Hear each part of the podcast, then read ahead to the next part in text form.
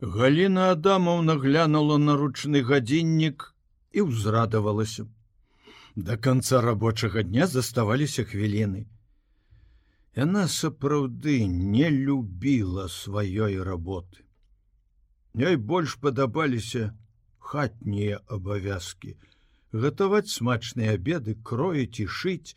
Яна была добрая гаспадыня, ласкавая маці і жонка думкі яе ляцелі дадому что згатаваць сёння. Каб страва аднолькава падабалася і антону і віцю і наташы густы якіх даволі розныя.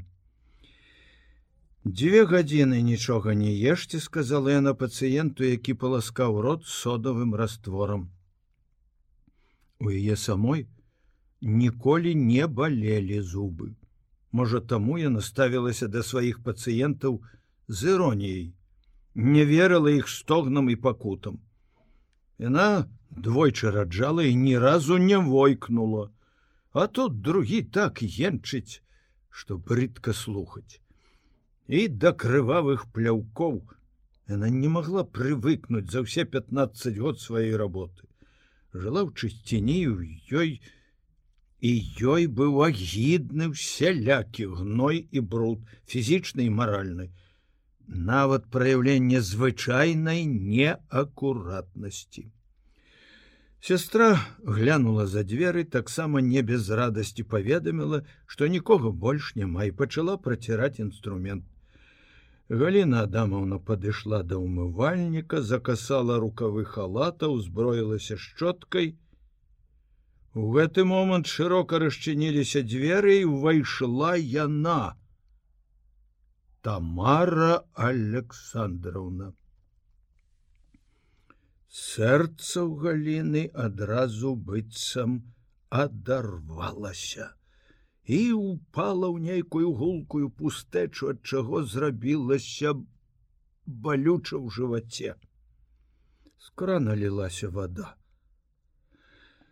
страшэнна непрыемныя струменчыкі холаду попаўзлі па спіне як толькі яна подумала что гэтая пышная прыгожая жанчына з нахабнымі вачами які яна много год ненавідела принесла ёй гора.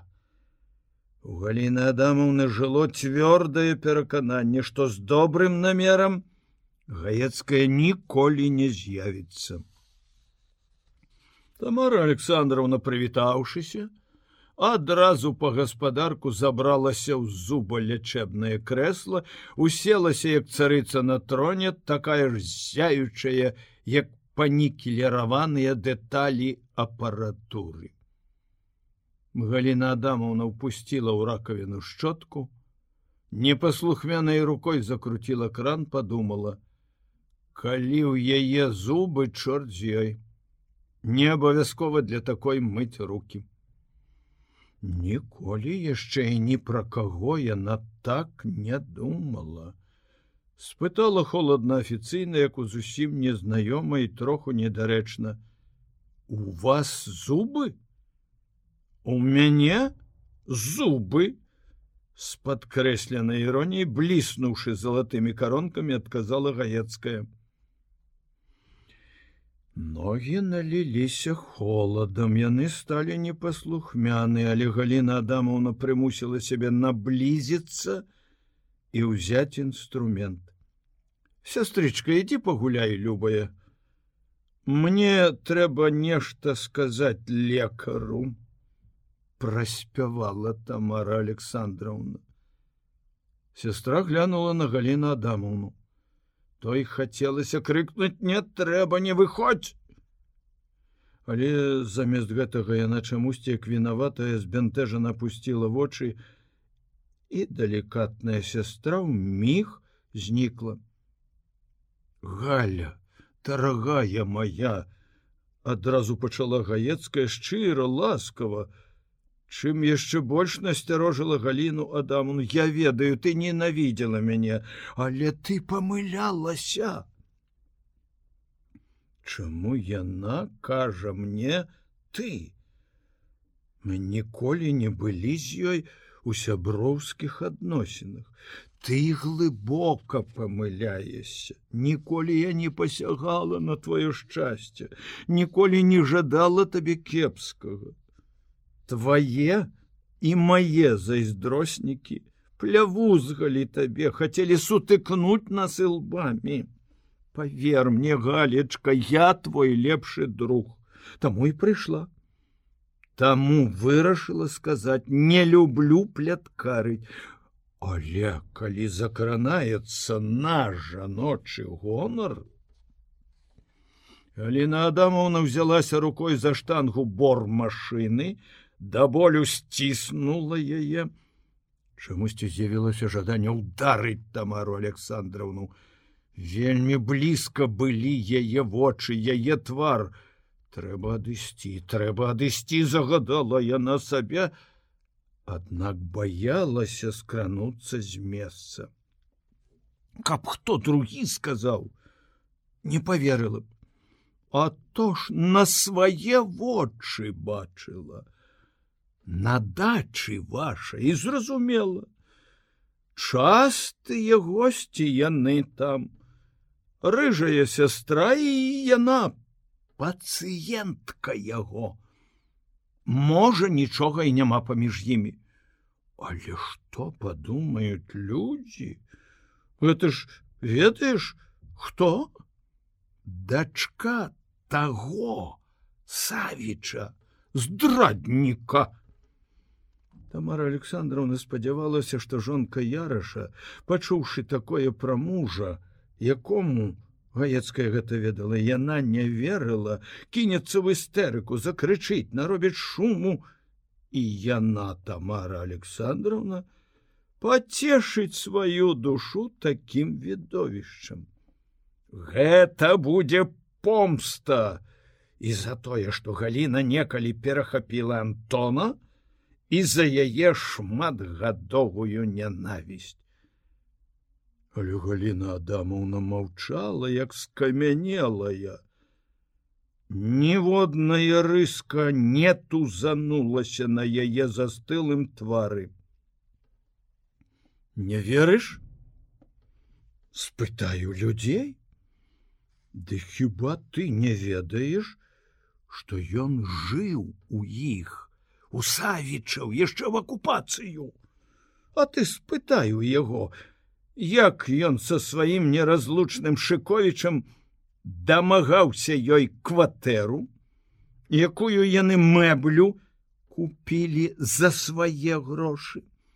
Абсталявалі кватэрку, дай дай, все як мае быць на французскі манер. Не верыш? Вся трагедыя заключалася ў тым, што Гліна Адамаўна верыла. Верыла ўсяму кожнаму слову. Ад гэтага ў яе муцілася ў галаве. Быў момант калі калыхнулася і адплыло крэсла. Яна ўбачыла ажно тры тамары якія зларадна скаліліся.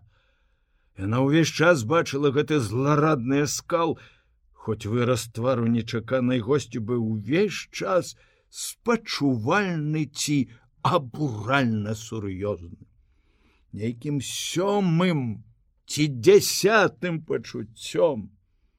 Гліна Адам у нас дагадалася, чаму прыйшла гэтая жанчына. І ніводным рухам не выдала свайго гора болю пакуты. Выдала толькі старую нянавісць. Раптам працадзіла праз зубы і дзіп прэч Вецкая страпянулася турная прэч Гліна Адамаўна з грука там кінула на поднос лопатку і взяла востры пінцет. З неўласцівай яе паўнаце рухавасцю Тамара Александровна шмыгнула з крэсла ледь не паваліла бормашыну, толькі ў дзвярах зларадна крыкнула: Что? Дажила? Антон Кузьміч адчыніў дзверы ўласнай кватэры і па беспарадку ў калідоры па пахах ці правільней кажучы па тым, што не было іх кухонных пахаў, здагадаўся, што нешта здарылася. Не нешта, а ён пэўна ведаў, што. Ён добра ведаў, што гаецкая не змоўчыць. За гэтыя дні пасля іх сустрэчы ў лесе, колькі разоў хацеў сам расказаць галіне, каб папярэдзіць і не здолеў. Не хапіла мужнасці. Не хапіла, бо ведаў, не паверыць, не зразумее, ці зразумее зусім інакш па-свойму яшчэ горш, чым гаецкая. Было брыдка і сорамна ад сваёй нерашучасці боязі, але ён думаў пра дзяцей, і ў потай спадзяваўся, можа абыдзецца. Можа, Тамара зробіць нейкі другі ход. Між іншым, гэтая цікаўнасць, што ж усё-такі яна зробіць, была адной з прычын яго маўчання. Я нават не расказаў Шковічу. Урэшце ён мог бы заклікаць на дапамогу сябра, і разважлівую спакойную валентину Андреевну, якая неаднойчы ўжо тушыла ўспышки галінай хваравітай рэўнасці. Але ўсё гэта выйшло б так, што ён нібы апраўдваецца завошта. Ды нарэшце ці варта надаваць гэтаму такое значэнне. Ён мае право падняцца вышэй ўсёй гэтай бытавой лухты, што атручвае жыццё і перашкаджае галоўнаму працы. У палітой капелюшы ён пайшоў у спальню. Галіна сядзела за швейнай машынай, холодная, непрыступная. Выгляд яе спалохаў яго. Такой яна не была ніколі і ніколі так не паводзіла сябе. Каб у яго паляцела машына ці труму, это ўразіла б менш яна не шыла але відаць спрабавала шыць. Заціснутая іголкай тканіна звісла на подлогу Антон спыніўся пасярод пакоя жонка не ўзняла вачэй. Что здарылася галя? Твар яе непрыгожа перасмыкаўся. Вы антон кузьміч не ведаеце что здарылася спыталася яна. Галка. Все гэта лухта? Ох лухта! Откинула яна тканіну ў бок выхапіла аднекуль з-пад яе ашчадную кніжку подняла падтрасаючы і гэта лухта. Шчодра доктор яраш оплачваеш полюбоўніцу але не думаем что мне шкада твоих грошай но! Яна шыбнула кніжку яму под ноги. При ўсёй яе рэўнасці жонка рэдка кантралявала яго расходы. Ён часто пазычаў буйныя сумы калегам некаторыя з іх не вярталі гадамі Галіна даволі абыякавая да грошай забывалася пра такія пазыкі, а калі часам і патрабавала справаздачы, то заўсёды ў добрым настроі, абмяркоўваючы чарговую буйную пакупку. А цяпер праверыла ўсё. Ён яраш нават не падумаў, што гаецкая разведае, і выкарыстае ўсё. Яго кінула ў пот ад прачування цяжкасцей на шляху да прымірення. Колькі прыйдзецца патраціць энергіі, Ён кінуў паліто на ложак, зрабіў крок да жонкі, наведала яго прыём абняць схапіць на руки цалаваць і яна слабая жанчына сціхала даравала яму але цяпер не Я табе ўсё растлумачу галка выслухай толькі не патыходь Яна ўзброілася нажніцамі, але тут жа шыбнула іх на столік. Не трэба мне ніякіх тлумачэнняў. Усё усё ўсё Цяпер я не буду не крычаць не плакаць мы чужыя ты абсталяваў сабе новую кватэру ідзі туды! Не пойдзеш ты? Я ніводнага дня ніводнай хвіліны не буду тут все яна вымаўляла гэтые ўсё быццам ставіла кропкі Яраш зразумеў, што гэта больш, чым нервовая ўспышка, гэта цвярозы намер. І не ведаў, з якога боку падступіцца, каб разбурыць такое яе рашэнне. Ён спыніўся, паглядзеў на яе ласкава жалем, дакорліва паківаў галавой дурніца, дурніца. Яна не вытрымала яго позірку, закрыла твар руками, перасмыкнулася ўся. Заціскаючы рыданне сказала праз далоні глуха чужым далёкім голасам Божа мой. Шестнадцать год жыла з гэтым чалавекам, аддала яму ўсё, а ён Яму мало было гэтай тоўстай шлюхі залатой сястры ўсіх баб, якіх ён меў. Яму яму трэба яшчэ зблытацца з пацыенткай. Які жах, якая ганьба. Яна адкрыла твар і вельмі нядобра ухмыльнулася. Але што что я хотела от того, кто мог забить, зарезать с большей легкостью, чем я вырываю зуб. Гэта было уже занадто. Нават з яго нервамі і разважлівасцю вытрымаць такое нелёгкую ён грымнул на ўсю кватэру. Вы хотя подумалі б, Якая яна жанчына, лекары задрыпаныя.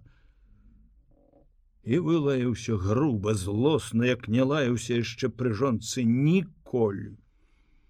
Ён не ведаў, што дома Наташа, яна сядзела ў кабінеце, дзе заўсёды рыхтавала ўрокі, калі баць... бацькі не было дома. Яна бачыла, у якім стане вярнулася дадому маці, калі з'явіўся бацька адразу накіраваўся ў спальню, дзяўчынка насцярожылася, не яна не стала падслухоўваць іх размову. З малых год бацька вучыў яе, што гэта нядобра. Але калі ён закрычаў, Наташа не вытрымала. Яна з'явілася ў дзвярах спальні ў чорным фартушку з банцікамі ў косах, стройная высокая ў бацьку пайшла з ласкавай усмешкай на твары. Добры дзень, тата, мы не бачыліся сёння. Подбегла, поднялася на пальчыках, чмокнула ў шчаку. Твой тата подлюга! Не вытрымала Галіна Адамаўна, каб не шыбануть у мужа самы цяжкі камень. Яна не чакала, што камень можа паляцець у яе. Наташа отступила ад бацькі, агледзела яго, потым маці і зноў да бацькі абняла за шыю, закрычала: Няправда! Няправда, неправда! Ён добрый, разумны. А ты? Ты неразумная ты равнивая. Ты отручваешь яму жыццё наташа наташка хіба можна сціхні антон кузьміш сварыўся на яе але прыціскаў яе гладзіў худзенькія плечы адчуваў што сам захлынаецца слязамі. Дачка вырвалася, побегла з пакоя Галіна Адамаўна самлела. У яе здарыўся сардэчны прыступ. Валентина Андреевна атрымала ананімнае пісьмо. Немагчыма растлумачыць, чаму гаецкая жанчынам, якія сябравалі паміж сабой, паведаміла по-рознаму, адной яўна, другой ананімна. Нельга сказаць, што Валентина Андреевна ніколі не раўнавала кирылу. Всё было ў жыцці, на тое, яно і жыццё, але яна ніколі не траціла розуму і здольнасці разважаць, аналізаваць. Быў у яе вопыт і добрая жаночая мудрасць, калі ніводзін лекар не задумаўся, колькі патрэбна часу, каб пасля такой аперацыі чалавек вярнуўся да нармальнага, не, ненармальнага вясёлага жыцця, то яна адразу ж подумала про гэта і першаму чаму не поверыла сувязі яраша з зосей. Кирилла і маша? Прыпісалі б яе мужу любую другую жанчыну. Валентины андреевны Мачыма яшчэ узніклі б нейкія подазрэнні не бывае дыму без агню але маша Яна бачыла дзяўчыну адзін раз, ведала, што яна сустракалася з тарасам і славікам і раптам кирыла. Не, не, не, яна загідай з нянавісцю да ананімшчыка адганяла гэтую брудную плётку. Яна полюбіла Машу, поверыла ў яе розуму, яе дзявочую сумленнасць і чысціню, інтуітыўна чуццём педагога адчувала, што такая натура ніколі не зробіць подласці.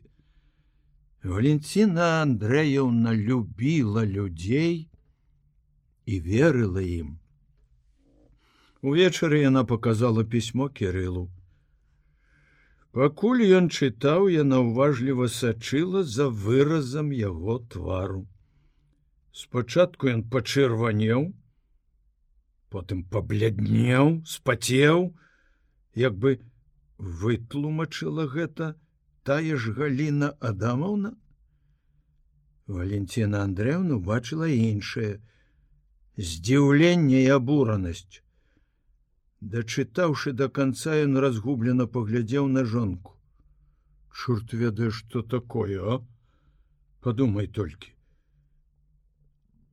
якая душа павінна быць у чалавек, каб з усіх гэтых фактараў зрабіць такія высновы.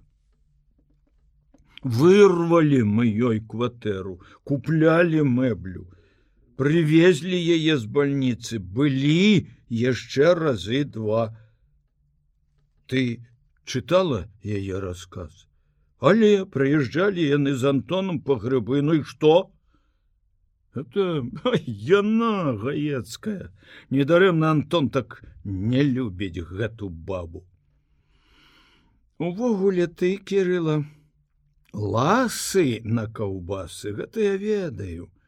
На кожную прывабную кабету зіркаеш як кот на сала. Воля але не бойся.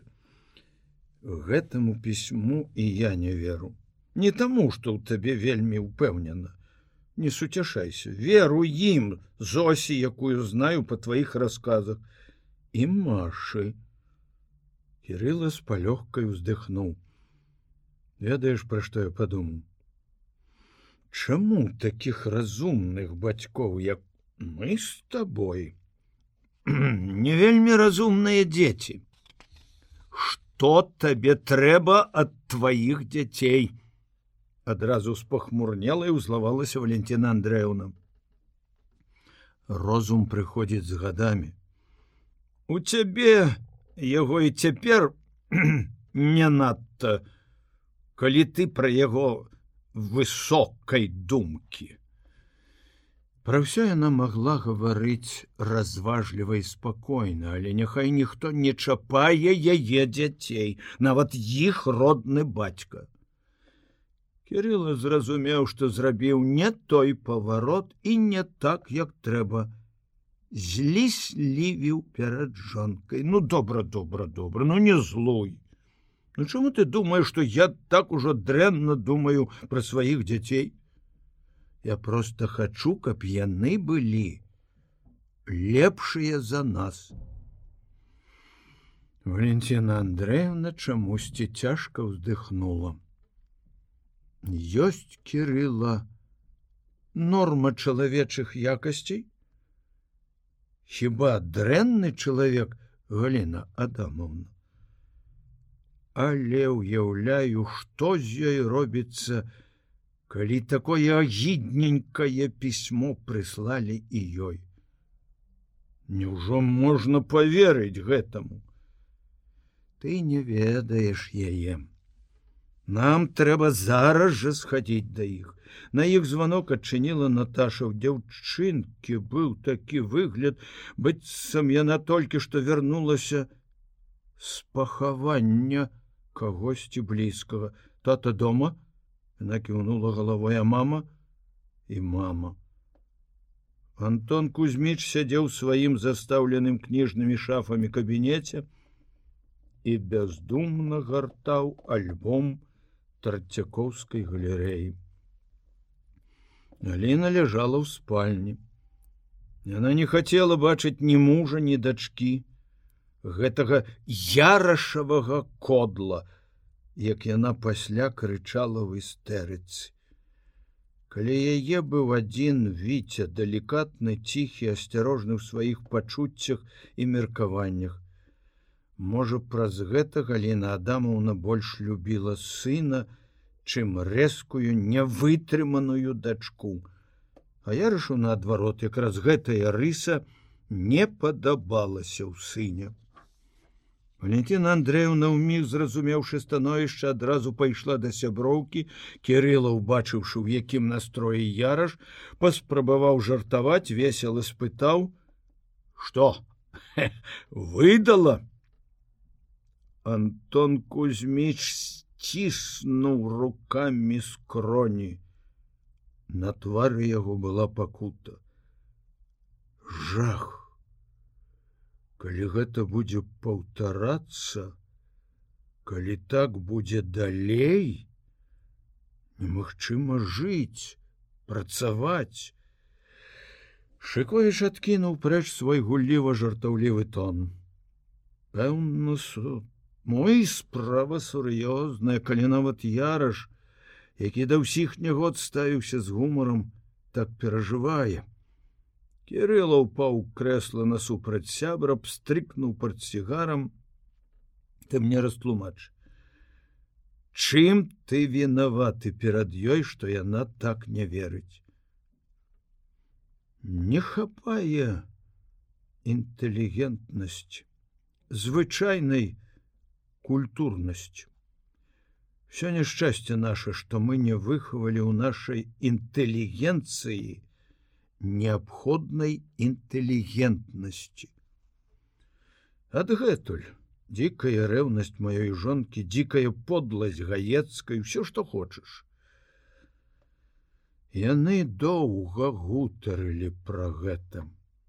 Можа, праз добрую гадзіну Валентина Андреевна паклікала іх у спальню. Ну вось што хлопчыкі сказала яна двум сталым мужчынам як малым. Сядайце і расказвайце толькі не круціце хвастамі а то надзяру вушы.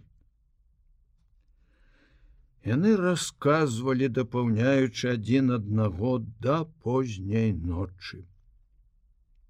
Здавалася наступіла примирэннем